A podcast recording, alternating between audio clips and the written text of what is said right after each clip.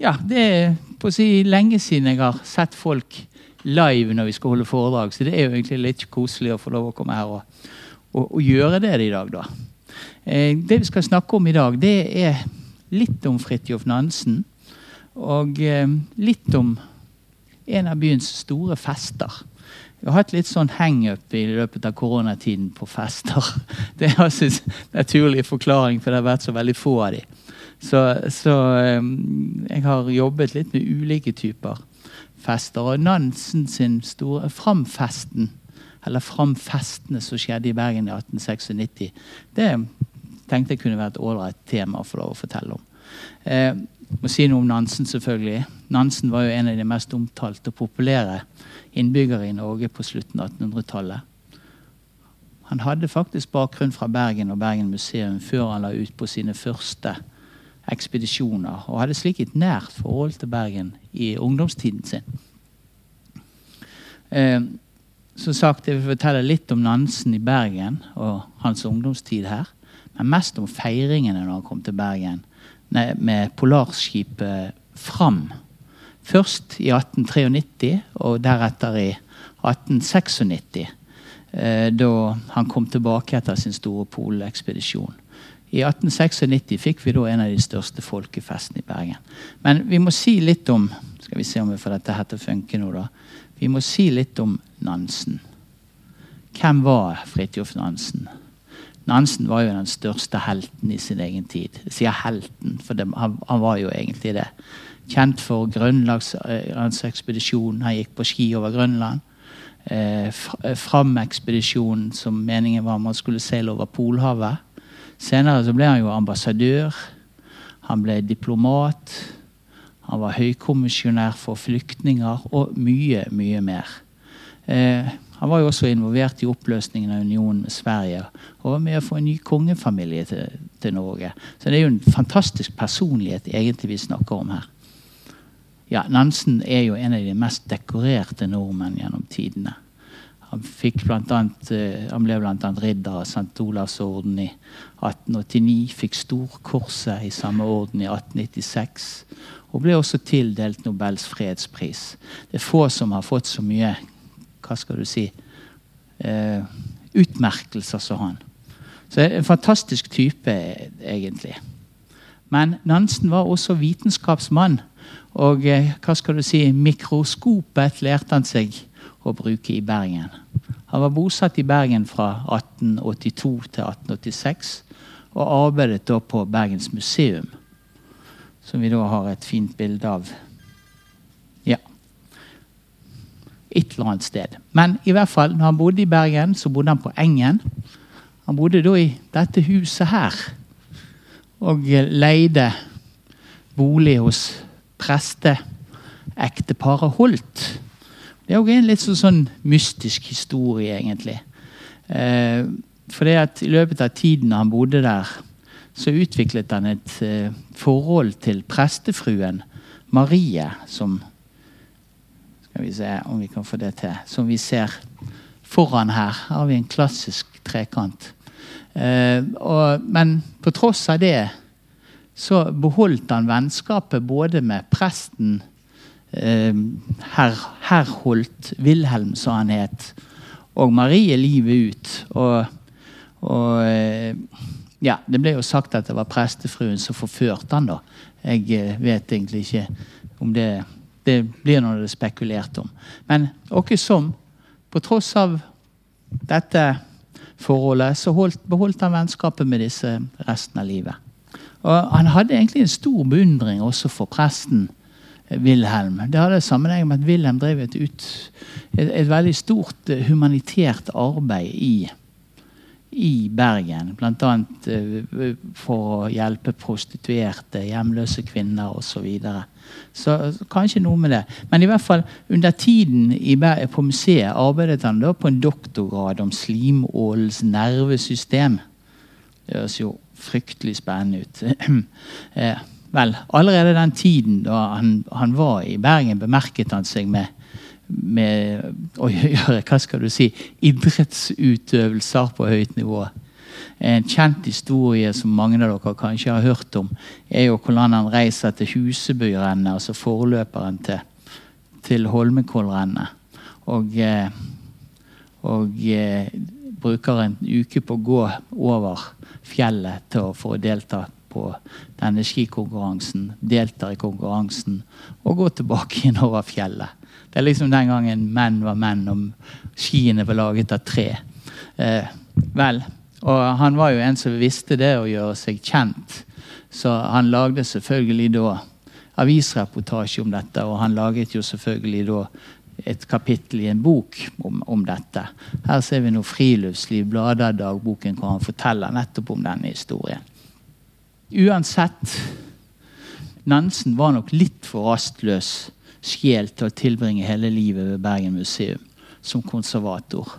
Så, han klager jo også over nettopp skiforholdene som gjør at Bergen er, Bergen er litt for vått og litt for regnfullt at han egentlig syns at dette er stedet å være lenge.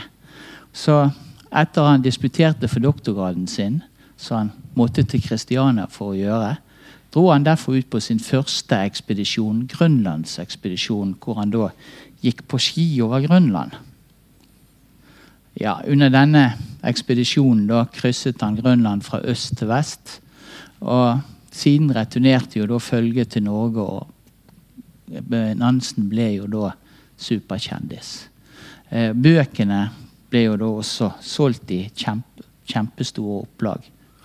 Eh, her ser vi UB sitt eksemplar av 'På ski over Grønland', så han hadde adressert til sin gode venn DC Danielsen, som var jo en ledende museumsperson.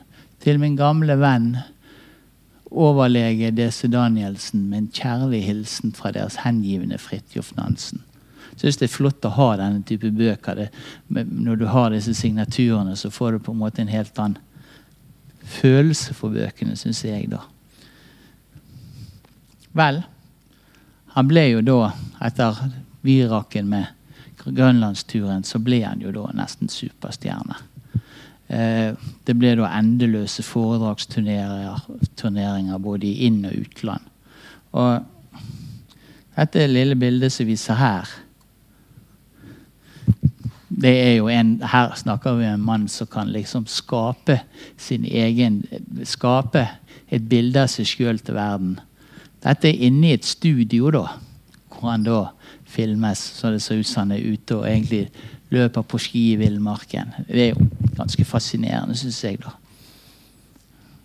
Ja, og Nansen ble jo da selvfølgelig også etter hvert et viktig innslag i avisene. Han prydet avisenes fremsider i flere tiår. Og til slutt så ble det jo sånn at det ble jo rapportert nesten nær sagt hva han gjorde. I rundt 1900 så, så jeg at Bergen Aftenblad hadde en liten annonse. da. Eh, det var en nordmann, bergenser som hadde vært i Oslo og sett Nansen. Da står det Nansen og hans følge har i formiddag hvilet eller foretaget små turer i byen, altså Kristiania. Altså Det er sånne helt meningsløse små notiser fordi at de har sett Nansen. Det er jo litt kult. da. Eh, ja, Nansen var jo også selvskreven allerede den gangen i dåtidens historiebøker. Han trakk jo da enorme mengder med mennesker når han holdt foredrag og eh, presentasjoner både i inn- og utland. Nansens, eh, Nansens eh, berømmelse nådde jo da nye høyder etter framturen over Polhavet. Selve ideen her hadde jo Nansen båret med seg siden 1884. Det han ville gjøre, det han ville drive med polarisen fra Sibir over Nordpolen og sånn bli førstemann til Nordpolen. Han fikk derfor laget en spesialdesignet skute fram som skulle ta han gjennom skruisen i nord. Ekspedisjonen til, til nordområdene var jo, den var jo høyprofilert. Og skipet da det stoppet jo da hele, tid, hele veien langs norskekysten. Både på vei opp og ned fra isødet. Og begge veier så ble det folkefest der fram la til. Det er litt vanskelig for oss å forstå, men det var jo, det var jo sikkert ikke så mye som skjedde på den tiden heller. Vel, greit nok. Eh, men kanskje det med Nansen også kan forstås på bakgrunn av forholdet til, til Sverige. Og at eh, sterke krefter ville jo frigjøre Norge fra svenskene. Altså blir Nansen et symbol da, på dette ekte norske. Altså en sterk nasjonal norsk skikkelse som er synlig både i Norge og i utlandet. Ja, han blir jo nesten en sånn mytologisk helte, helte, heltefigur. Vel, tilbake igjen til Fram. Fram forlot Kristiania uh, 24.6.1893 og hadde flere stopp langs norskekysten. Eh, I Bergen var det jo store forventninger til at de skulle få sin store sønn fra museumstiden tilbake til Bergen. Eh, selv om besøket da med Fram denne gangen bare skulle være et døgn. Eh, dagen var jo døpt i avisene for Nordpolekspedisjonsdag. Og begivenhetene som skulle skje i byen, ble jo da også slått stort opp. Eh, jeg, ting som jeg syns er jo litt morsomt her, er jo at det var såpass stort at de Ja. Dette var krigsoverskrifter i avisene den gangen. Det egne innslag i avisene hvor Nansen og hans menn da ble presentert på førstesiden i Bergens Aftenblad.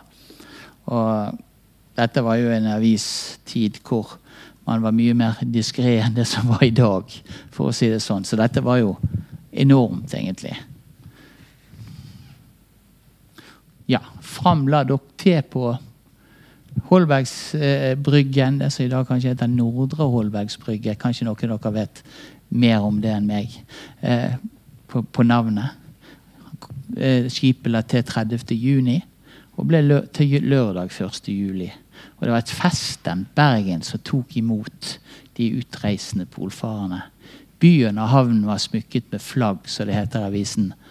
Alle hadde flagg fra topp til dekk.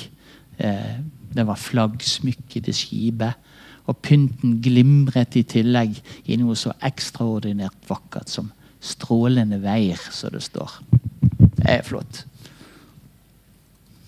Ja, og byen var jo da selv, selvsagt også sprengfull av folk. Deriblant, deriblant var det kommet en hel eh, rekke engelske turister til byen. Eh, rett og slett for å se Nansen. For Nansen var også superkjendis i, i, i, England. Ja, det ble et hektisk døgn når Fram lå i Bergen. Først besøkte Nansen Bergens eh, museums biologiske stasjon på Marineholmen. Er det noen som kjenner igjen Marineholmen fra 1890-årene? Det er jo egentlig et fantastisk fint bilde. Eh, ja, Deretter så talte han i turnhallen. Så etterpå så ble det selvfølgelig som det pleide å være i gamle dager, fest i losjen. Til ære for Nansen og de andre ekspedisjonsmedlemmene. Og i avisannonsene ble det selvfølgelig behøret understreket at festen også tillot adgang for damer. Det, det var jo litt ekstra gjevt, da. Men uansett, da. Festen var jo ikke for alle. Det, det, prisen var jo en 1300-1400 kroner i dagens valuta, så det var jo kun de færreste som hadde mulighet til å være med. Men her ble det i hvert fall festet. og Det var 180 gjester som satt plassert rundt langbord. og Selve middagen startet halv ni. Og det må jo ha vært en god del taler og, og skåler fordi at festen, eller festmiddagen varte til klokken tre om natten. Så jeg tenker meg de hadde fått nok både av vått og tørt når de, når de reiste hjem den kvelden. Vel, Under bergensbesøket var det også mulig å besøke Fram. Dette ble også hyppig annonsert i byens aviser. Fram kan besees under dens henliggen på Vågen hele lørdag, sto det i avisen. De besøkende får anledning til å besiktige dette merkelige fartøys hele innredning og utstyr, så besøket visselig kommer til å bli stort, het i avisen. Ja, Fram var jo ganske spesielt utstyrt òg. Blant annet så var det i dette lille skipet her om bord et eget orgel samt flere av Gerhard Munthes Nordpollandskaper. En treen kostet da én krone for voksne og 50 øre for barn. Vel, Søndag 2. juli klokken 12, og betydelig seinere enn det som var planlagt, forlot da Fram Bergen. Man trengte å sove ut etter denne store festen, tydeligvis. En stor menneskemengde hadde møtt fram, fram og salutter ble da avfyrt fra festningen. Og ut Byfjorden fikk jo skipet, sånn som det vil, er vanlig i Bergen. En stor eskadre med, med skip og båter som fulgte et stykke nordover. Ja. Langs hele veien oppover langs norskekysten så ble jo da fram eh, behørig omtalt i avisene. Bergensavisen hadde notiser nesten hver eneste dag. Og helt opp til, til, til Vardø. Og på turen så skriver også eh, Nansen brev til sin venn museumsmann og legen DC Danielsen. Det er egentlig et vakkert brev. Danielsen, som på denne tiden er syk, han er vel ikke bare syk, han er dødssyk, eh, får et, et svært rørende avskjedsbrev til en mann som for Nansen ble omtalt som en faderlig venn. De to møttes jo heller aldri igjen, for Danielsen han døde allerede året etter. Og Nansen var jo ikke mange år seinere enn det, så Ja, polferden ble jo en suksess. Men det var jo da en suksess basert på et uendelig slit og hard kulde. Framfulgte drivisen nordover og lå fast i isen fra slutten av september 1893. Og først 14. mars 1895 forlot Nansen og Hjalmar Johansen båten, eller unnskyld, skipet. Hvis noen hadde hørt meg si båten her, så hadde jeg sikkert, sikkert fått en overhøvling. Ja, I hvert fall i et forsøk på å nå Polen ved hjelp av ski og hundesleder. Oppgaven viste jo seg da selvfølgelig å være umulig. Og eh, 8. april så beordret Nansen deretter retrett. Uten at dette var regnet som et nederlag. For de hadde kommet lenger nord enn noensinne noen hadde klart tidligere. Så de snudde, og Nansen og eh, Johansen overnattet på Josef, Frans Josef land, hvor eh, de da lagde sin egen snøhule og bodde. Og Først mai året etterpå forlot de dette overvintringsstedet. Det var litt av en utfordring det å bo åtte måneder i en liten snøhule i lag med en annen menneske. Ja, enda verre alene, kanskje. Vel, og En måned seinere var de så heldige å møte den britiske polarforskeren Fredrik Jacksons ekspedisjon sør på Frans Josefland. Jacksons skip brakte da de tilbake til Vardø. Fram på sin side. Klarte å hugge seg løs fra isen og seilte sørover. Når skipet da kom sørover Ja, det var kjent eh, det ble kjent at polarheltene var på vei sørover. Og det, og det var en enorm bragd, dette her. De hadde kommet lenger nord enn noensinne, selv om de ikke hadde klart å nå, nå, nå Nordpolen. Så dette var jo enormt mye. Altså Det ble skrevet mye og det ble omtalt mye. Så når de reiste nedover langs norskekysten, så ble det selvfølgelig enorme feiringer langs hele norskekysten. Eh, skipet la til en rekke steder, og alle steder så måtte man ha en fest for disse polar, eh, polarheltene. De må jo ha gått brisen fra de gikk i land i Norge, har litt følelsen når jeg leser om dette. Men, men greit nok. Men bergenserne de skulle jo da selvfølgelig også feire hjem, de hjemkomne heltene. 19.8.1896 ble derfor nedsatt en bergensk festkomité. Selvfølgelig ledet av ordføreren Christian Michelsen som vi ser på bildet her oppe. Ja, Sammen med han så var det jo da sentrale bystyre og, og eh, bergensborgere. Fiffen skulle selvfølgelig være med i denne komiteen. Sammen da med Bergen museums ledelse. Og programmet var da konsentrert rundt onsdag 2.9. Og eh, eh, det var den dagen da Fram skulle komme til Bergen. Hele byen ble jo da mobilisert. For polfarerne var jo ekstremt populære. Byens selskaper og foreninger, ja, foreningene ble kalt på korporasjoner, og skoler og sang sangforeninger. Alle sammen ble bedt om å møte med faner på festningskaien for å lage en høytidelig ramme omkring velkomsten. Og Her var jo selvfølgelig lystfartøyer, seilbåter og dampskip som også ble oppfordret i avisene til å stille. Så, og møte fram under innseilingen. Alle skulle være med. Dette skulle være greien hvor bergenserne skulle vise Nansen hvor stor pris de satt på han. ja. Og mange ville jo selvsagt også sko seg på at Nansen altså Vi vet når det er begivenheter. Noen vil tjene penger. Det var jo ikke noe unntak her. Tvert imot. Og når vi ser alt de prøvde å tjene penger på, så ser vi jo at, at uh, dette var jo egentlig en egen Nansen-industri. Uh, mange dampskip, deriblant Manger, som vi ser her, hadde jo da reklame for at man kunne kjøpe billett for en krone. Og så da uh, møte fram på Byfjorden. Men det var jo selvsagt også mulighet for å kjøpe Nordpoløl. Det hørte jo selvfølgelig med. Og det var muligheter for å kjøpe Nansen sardiner. Ja, og det var bare noen av tingene. Ellers kunne du òg få tak i Nansen-sjampanje. Du kunne få Nansen-klær. Eh, du kunne få Nansen-tøy. Et sånt skjevjott, en eller annen sånn form for ull. Altså, det fantes, ingen, det fantes ingen begrensninger egentlig hva du kunne putte Nansen-navnet på og så, og så prøve å selge. Jeg syns jo det er ganske så Ja, så, så artig egentlig. Og så selvfølgelig var det jo også et Nansen festprogram til folkefesten til salgs. Dette kostet ti øre i salg hos tobakksforhandlerne. Og billetter til folkefesten på Eldorado kunne du også kjøpe der til 30 øre. Og avisene fløt jo selvfølgelig over om eh, Nansen-stoff i disse dagene. Og det ble jo også trykket selvfølgelig inn noe som kanskje for oss høres rart ut. Hel haug med hyldningsdikt. Dette var jo en tid hvor dikt var et helt sånn sentralt innslag når man skulle slå stort på ting. Sang og dikt. Og Hyllingsdiktene var mange, og hyllingsdiktene var ja, unnskyld, veldig dårlige, mange av de. Men sånn var det jo. Og så var det da forskjellige annonser i tillegg for hva festhungrige nordmenn kunne være med på av ulike arrangementer. Og som du hører og bør, så var det også laget et eget festskrift.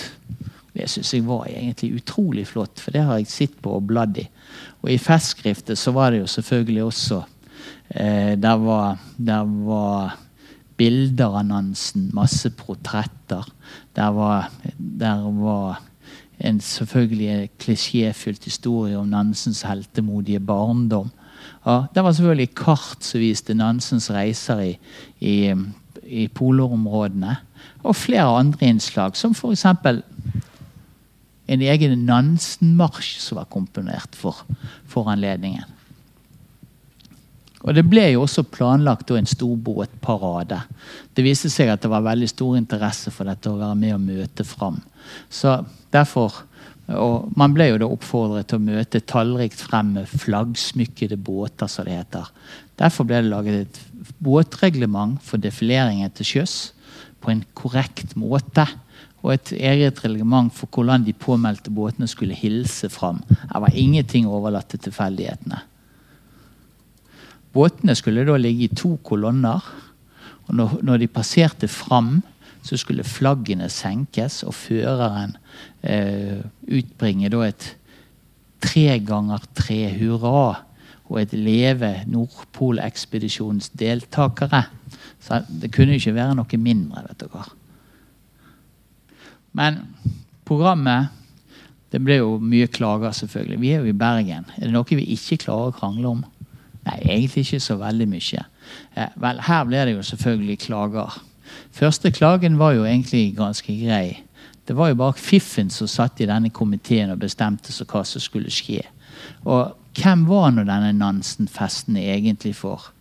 Kunne de som Var det for vanlige folk, eller var det kun for de som hadde råd til å betale 20 kroner paret for å være med på en supé hvor var til stede?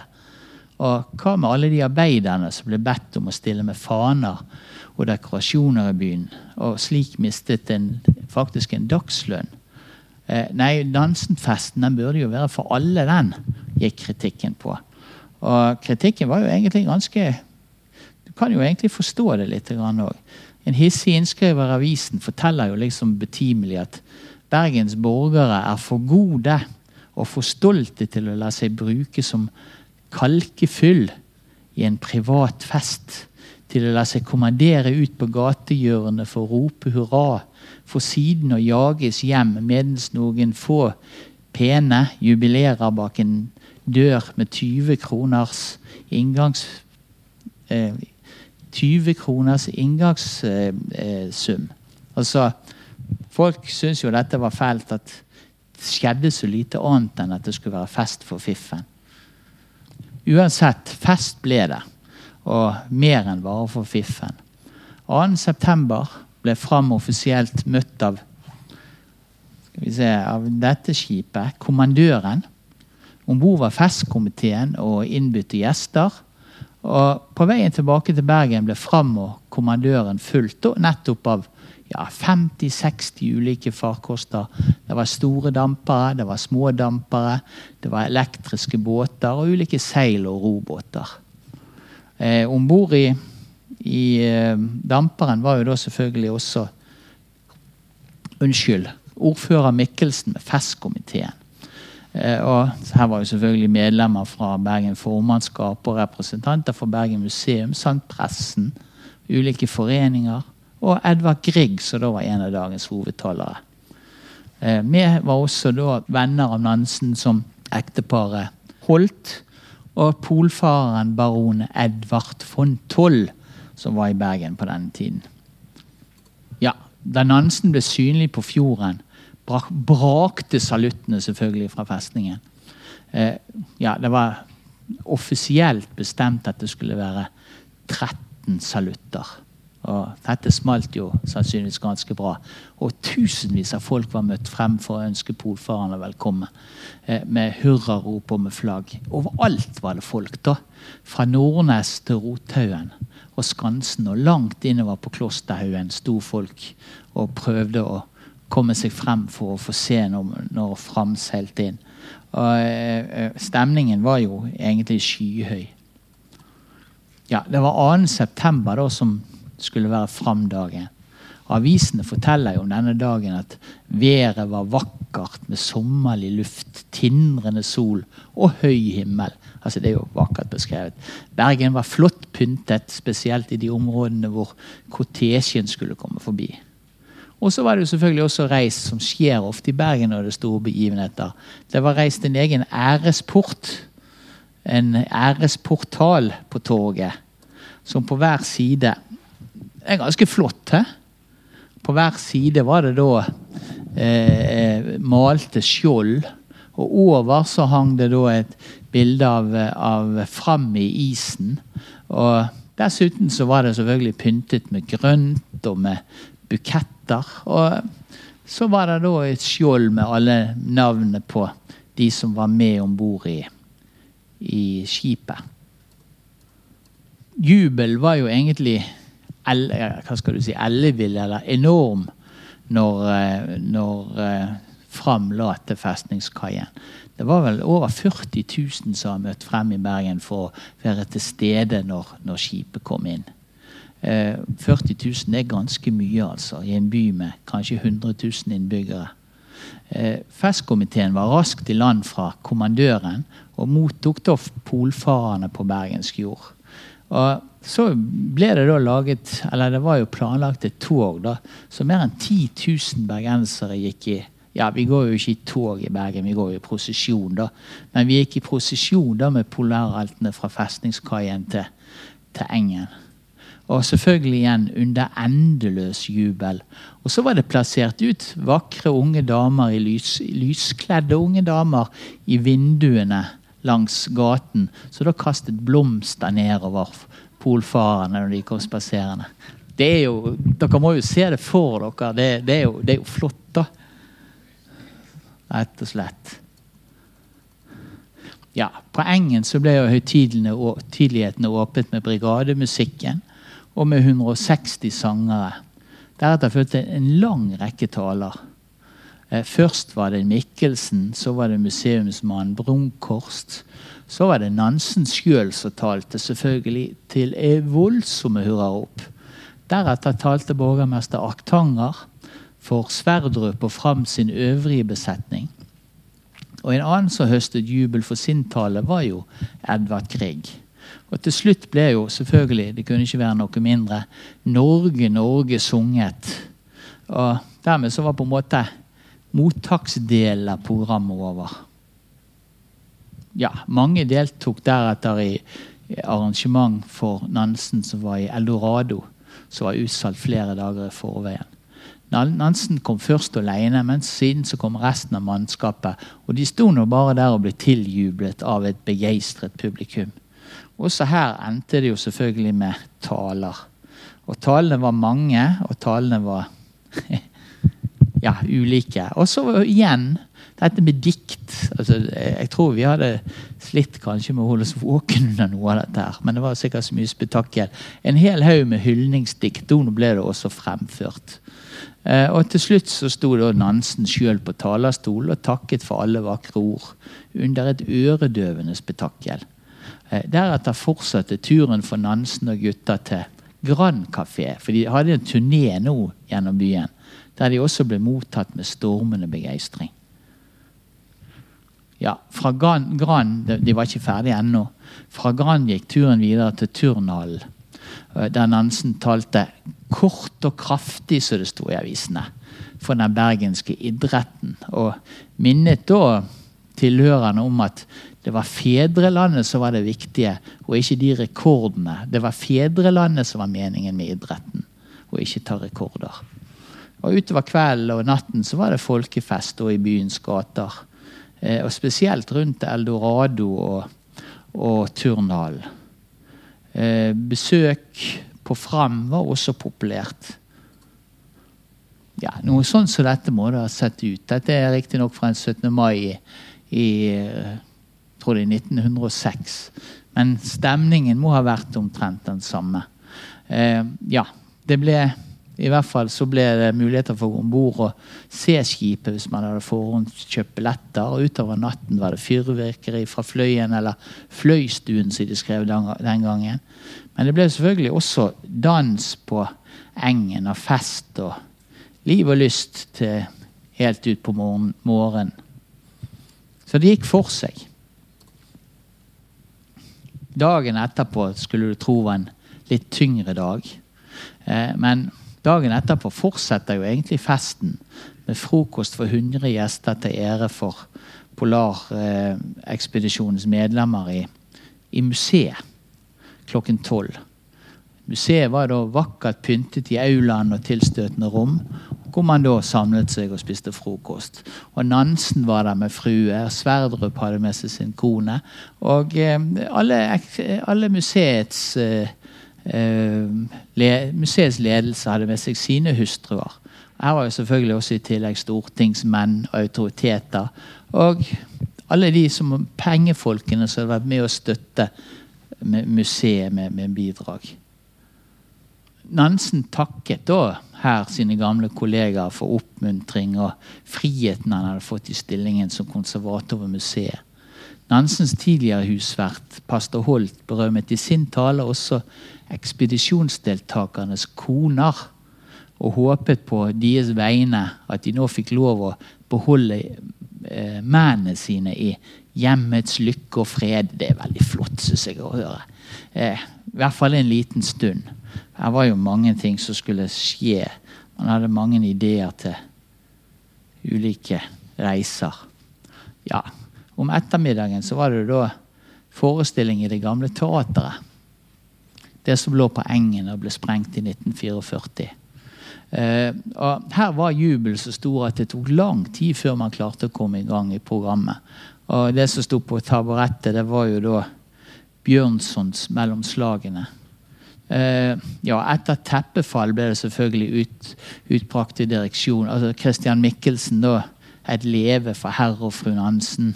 Og deretter ble det da selvfølgelig igjen.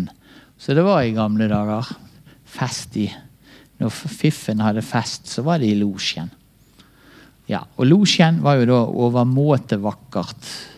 Eh, på å si utsmykket med hva er det som står Overmåte smakfullt dekoreret med flagg og grønt, står det i avisen. Dessuten var det reist 13 skjold dekorert med, med polfarernes navn, og en tribune utstyrt med flagg og en isbjørn er ikke noe mindre under festen ble, i losjen så ble det også kveldens vakreste innslag eh, holdt. Et enormt fakkeltog gikk nemlig, ja, og betimelig nok, da, ut fra brannstasjonen.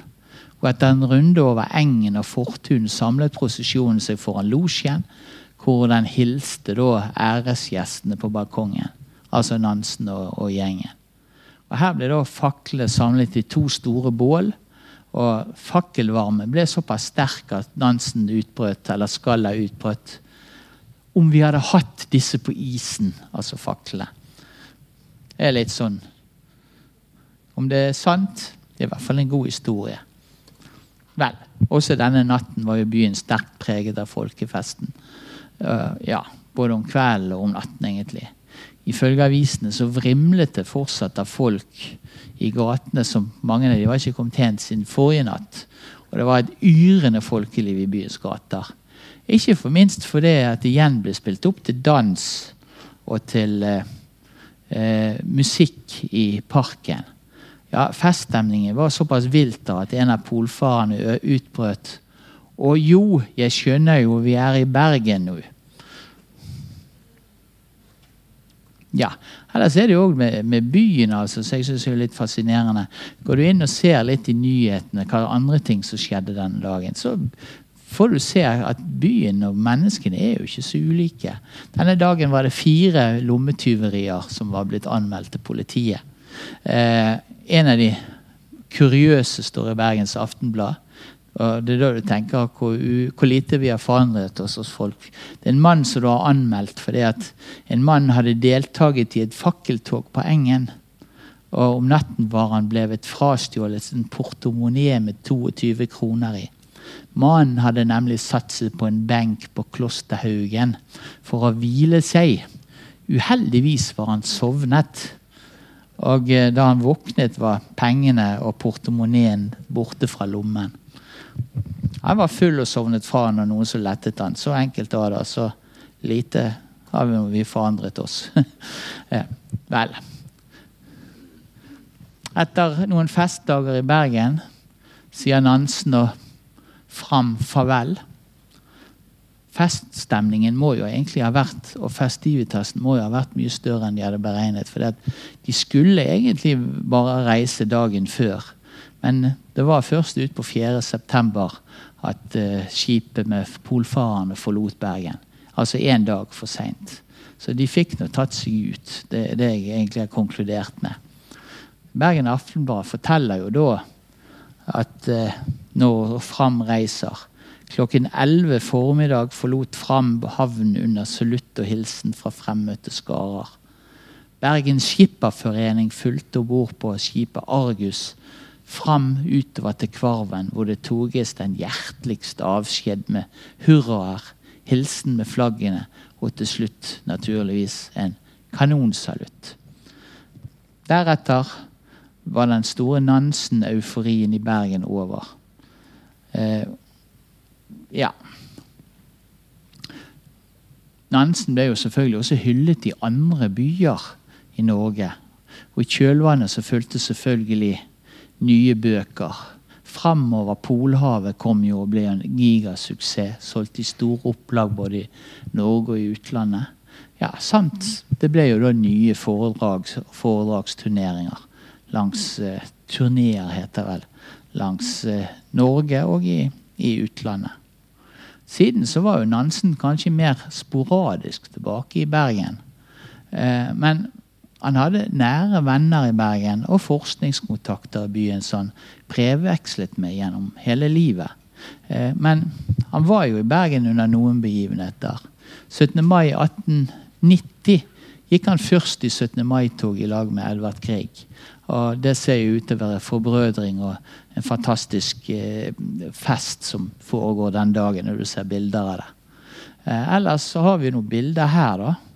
Her ser vi han i Bergen på 1920-tallet og taler for eh, Jeg tror jeg har sett et sted over 20 000 mennesker på fedrelandslagets tilstelning på Møhlenpris. Ellers så besøker han også Bergen i 1928. Bergens Tidende trykket også et stort minneoppslag om han på fremsiden da Nansen døde. 13. mai 1930. Det var en stor mann som døde da. Eh, men forholdet hans til Bergen det var jo egentlig ganske så ja, Han hadde vært i Bergen, han hadde bodd i Bergen, hadde nære venner i Bergen. Men etter hvert så fikk han et litt sånn annet forhold til Bergen. Nansen hadde jo sterke meninger og visste han alltid visste best. Og det falt han tungt for brystet at flere forskningsmiljøer knyttet til museet kom faktisk til museet og ikke til Oslo.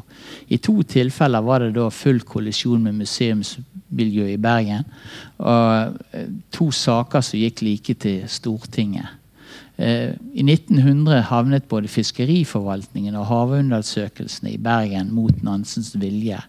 Og i 1911 så havnet havforskeren Bjørn Helland Hansen i, i, Bergen med et stort professorat som fikk masse penger. Eh, ja, dette var saker som Nansen var veldig veldig motstander av. For han ville samle alt som fantes av ressurser i Kristiania, og ha én hovedstad hvor alt som fantes av, av eh, forskningsmidler, ble samlet. Vi kjenner oss litt igjen, noen av oss, når vi tenker på hvordan alt skal samles til Oslo. Nansen var jo da en av disse som helst så at det var slik. Men han tapte disse sakene, og disse nederlagene gjorde jo Nansen rasende. Han uttalte seg da at bergenserne var ikke i stand til å bygge opp et universitet. Så han, han, sier men jeg kjenner de folk om bergenserne. De er nå engang hanseater og handelsmenn foruten dilettanter, skriver han. Ja. Ja, og Nederlagene i Stortinget om disse sakene fikk også Nansen til å endre synet faktisk på politikere og demokratiet. Eh, noe som utløste en serie med antiparlamentariske og antidemokratiske utbrudd fra Nansen, som selvfølgelig ble sitert. Hva er det norske storting, forteller han, annet enn en utklekkingsanstalt for dilettanter og legmenn? og en kreftskade for vårt samfunn. Det er ganske harde ord, dette her, altså. Eh, vel, forholdet mellom Nansen og Bergen er jo noe vi på universitetsbiblioteket har jobbet ganske mye med siste, siste året. Og vi har utviklet en stor fysisk utstilling oppe på universitetsbiblioteket. Det som heter Bibliotek for humaniora. Det som ligger rett ved siden av, av Løven, dere vet. Og vi har også laget en stor digital utstilling om Nansen og forholdet hans til Bergen, når han var i Bergen. Og eh, disse tingene som jeg nå snakker om. Hvordan han hadde hele tiden et sånn ambivalent forhold til, til bergenserne. Så den vil jeg anbefale dere å gå og se. Da har jeg vel jeg egentlig snakket meg litt eh, tom, jeg. Så det sier takk for meg.